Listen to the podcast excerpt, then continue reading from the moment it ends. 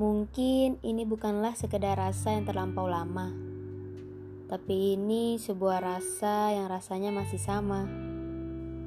Mungkin kita pernah berjuang atau sedang berjuang untuk suatu hal, dan pastinya ada hal yang ingin kita capai di dalamnya. Sama halnya dengan perjuangan rasa, rasa yang sering kali menggebu ingin segera berakhir dengan kebahagiaan, dan rasa itu juga yang menjadi musuh kekecewaan bagi diri kita sendiri.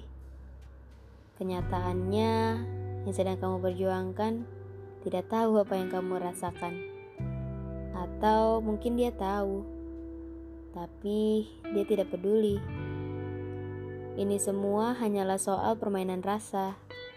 Kamu yang punya rasa ingin memilikinya, sedangkan dia punya rasa yang bahkan bukan untuk kamu.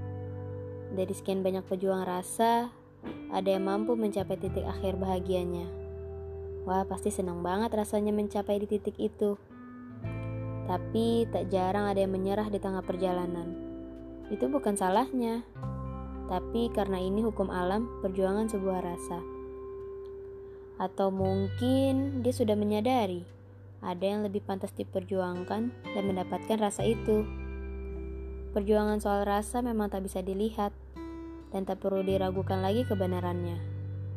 Jika sudah berurusan dengan rasa, pertanda kamu sangat berharga baginya. Kamu ingin merusaknya, tentu kamu juga akan merusak sebagian di hidupnya. Mulai sekarang, Hargai seseorang yang mempunyai rasa lebih untuk kamu. Jangan jadikan seseorang itu musuhmu. Bukankah itu seharusnya menjadi suatu kebanggaan untuk diri kamu?